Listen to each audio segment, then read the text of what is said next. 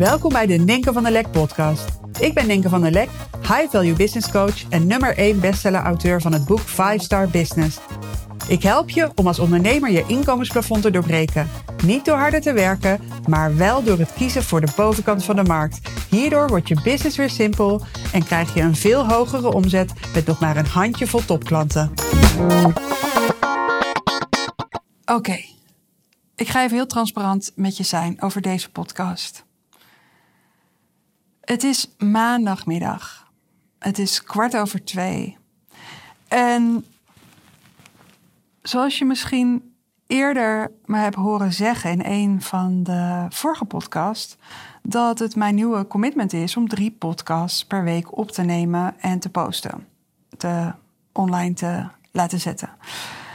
En nu is de situatie zo dat het uh, ja, maandagmiddag is. En dat ik had bedacht dat ik maandag voor de lunch mijn drie podcasts voortaan opgenomen zou hebben. Nou, ik heb inmiddels geluncht. Ik had uh, een, uh, ja, eigenlijk gewoon een prakkie van, van het weekend had ik meegenomen. Ehm, dat was couscous met noten en rozijnen erdoor. Dat was een stukje gebakken zalm en, um, en wat salade. En dat was echt heel lekker. Oh ja, ik had ook nog even een half citroentje van huis meegenomen. Dus dat had ik zo lekker er even overheen gesprenkeld. En die, uh, die zalm was lekker gebakken in uh, ja, olijfolie met een beetje knoflook en een beetje zeezout erover. Was echt helemaal perfect. Maar goed, ik heb lekker zitten eten en ik realiseerde me van shit, ik heb die drie podcasts nog steeds niet opgenomen. Terwijl ik ze zou opnemen voor de lunch. En nu is het inmiddels kwart over twee. En vanochtend toen ik de deur uitging, toen zei ik tegen Simon, mijn jongste, van... Hey lieverd, ik ben uh, om drie uur thuis. En ik ben die podcast maar voor me uit aan het schuiven. En ik wil ze gewoon opgenomen hebben. Ik wil behouden aan dat commitment van drie podcasts per week opnemen. Uh, dat wil ik ook gewoon op maandag doen. Dat is een hele krachtige start van de week, heb ik, uh, heb ik eerder gemerkt. Um, ik wil ook gewoon doen wat ik mezelf beloof. Um, maar ik wil ook op tijd thuis zijn voor Simon. En uh, het is mijn vakantie. En um, nou, de oudste is uit huis. En de middelste is met, uh, met Floris uh, naar New York een weekje. Dus Simon en ik zijn alleen thuis. Simon dus met Lena thuis, ons hondje. En ik ging vanochtend tussen de deur uit en ik zei... ik zal om drie uur uh, terug zijn. En um, ja... Ik denk dat we dit allemaal wel kennen. Dat je jezelf iets voorneemt en dat je denkt... oh, het komt toch niet uit. En dat je met jezelf gaat onderhandelen van... ja, maar zo'n commitment, het hoeft ook niet keihard te zijn. En um, ja, ik kan het ook morgen opnemen. Of twee podcasts is ook genoeg. En um, ja, dat je dus eigenlijk jezelf gaat overtuigen van dat het toch niet zo belangrijk is. En dit commitment van drie podcasts per week heb ik denk ik twee weken geleden gemaakt. Dus het is nog super vers. Maar wat er gebeurt is dat in mijn, mind, in mijn mind uh, ja, nu dat proces gaande is van uh, die zelfsabotage zou je kunnen zeggen. Dus iets wat je belangrijk vindt, dat uh, ja, daar de poten onder de, vandaan worden gezaagd door Beb. Ik heb mijn ego uh, een naam gegeven, Beb. En Beb zal altijd van zich willen laten horen. Ik was uh, natuurlijk afgelopen tijd was ik in LA bij uh, de school van Byron Katie. Ik heb er een podcast over opgenomen. In LA bij Byron Katie heet die podcast. Uh, podcast 246. En daarin vertel ik ook hoe ik negen dagen lang aan het werk ben geweest met Beb. Maar um, Beb uh, Katie zegt altijd, Baron Katie zegt altijd, um, the ego is fighting for its life. Dus stel je voor, je hebt een leven waarin je compleet in balans bent en volledig je verlangen volgt en alleen maar gelukkig en happy bent en helemaal vrij bent. Dan, um, ja, dan kan Beb wel inpakken. Beb is uh, voor haar leven aan het vechten. En misschien uh, heb jij een Bob. Dan is Bob voor zijn leven aan het vechten.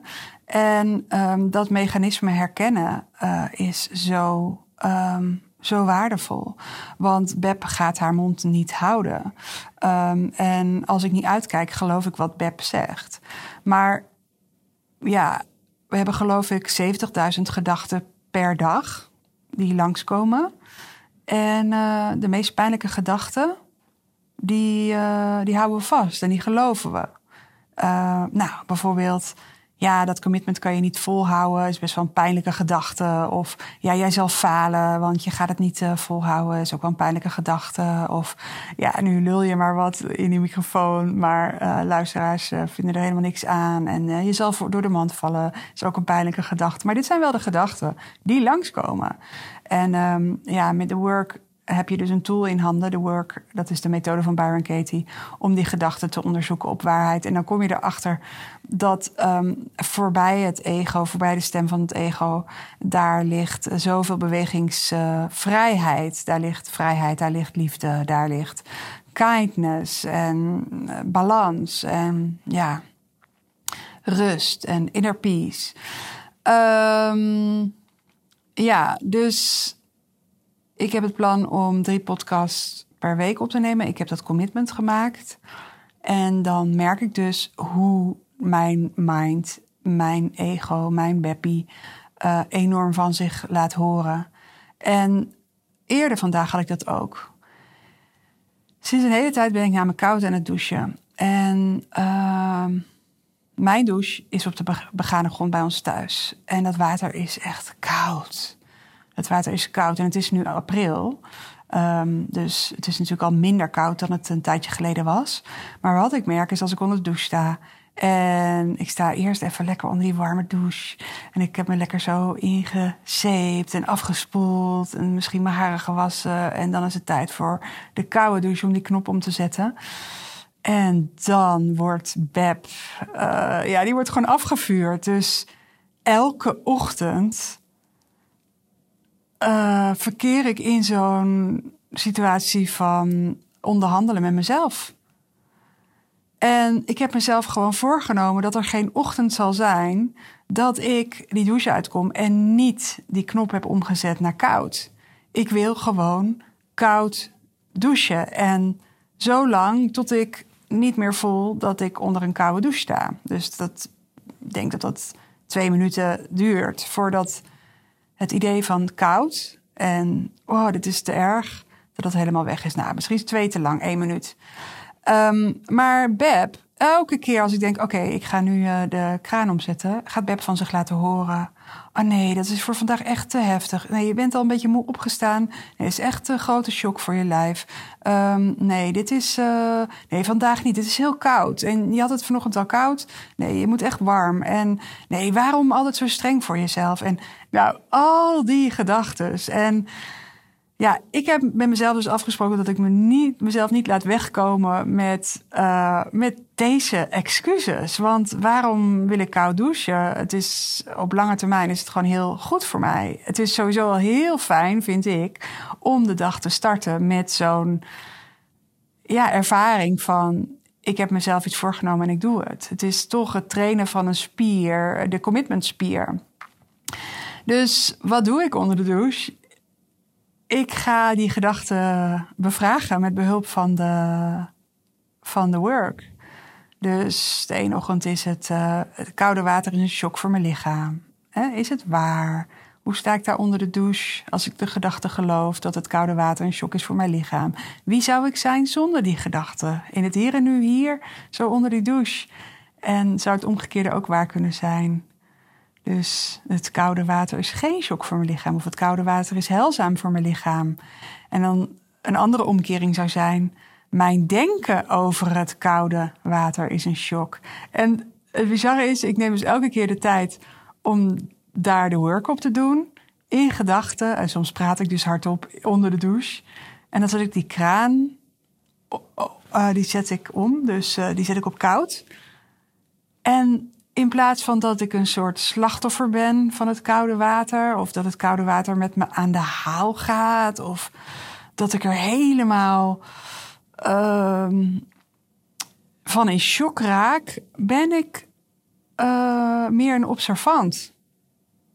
Dus het bijzondere is dat ik elke keer soort met een, met een soort nieuwsgierigheid gewoon voel wat er te voelen is. En in plaats van dat het iets heftigs is, is het een fysieke sensatie zonder betekenis. Dus het herkennen van het mechanisme. Als jij een stap zet uit je comfortzone, als jij een stap zet in iets nieuws, als jij een stap zet in iets waar jij je nog niet 100% confident over voelt, dan gaat Beb of Bob van zich laten horen. Dat is normaal. Dat zal altijd gebeuren. En het is zo fascinerend om je daar gewaar van te zijn. En je ook te realiseren van wat jij denkt, wat Bob of Beb denkt, dat dat niet eens door jou is gecreëerd. De gedachten zijn al eerder in het brein aanwezig dan we ons gewaar zijn. Dat is echt fascinerend. Alleen je hebt wel een keuze in het geloven van de gedachte en het attached, het gehecht zijn aan de gedachte.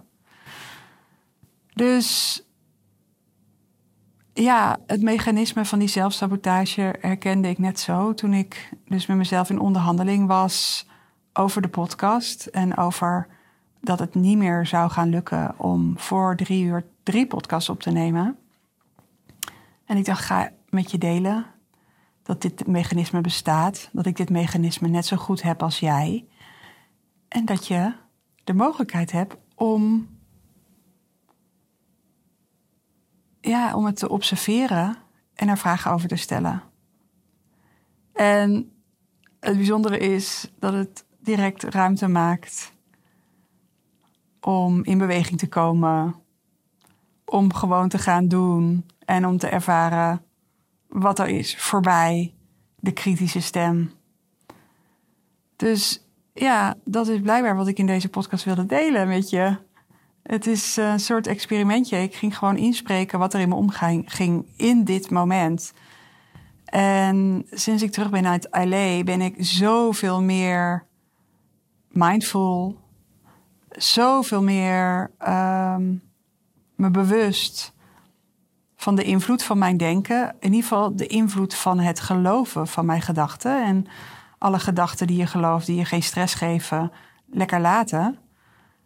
Maar de gedachten die je stress geven. Um, gisteravond ook, ik, kan er nog niet te veel over zeggen, maar gisteravond was ik met een vriendin aan het bellen. En zij doet ook uh, af en toe wat dingen voor mijn business. En daar lag een hele mooie opportunity, iets voor in mijn business. En ik kreeg er helemaal buikpijn van. En toen zei ze ook van, als je buikpijn krijgt, dan moet je het misschien niet doen. Ik zei, ja, die buikpijn staat gewoon voor heel wat anders. En vanochtend uh, toen zat ik te ontbijten en toen bedacht me echt zo: wat bezorgt me nou buikpijn? Van deze, als het gaat om deze opportunity, wat bezorgt me buikpijn? En ik ontdekte dat er een overtuiging onder lag.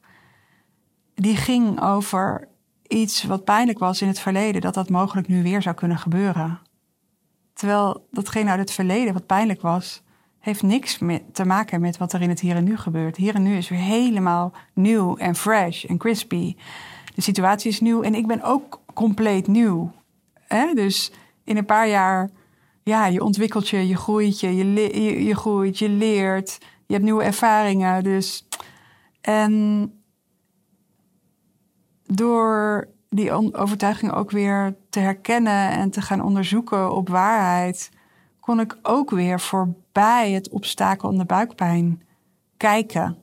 En ja, kon ik zien van die nee die ik voelde, van die knoop in mijn maag.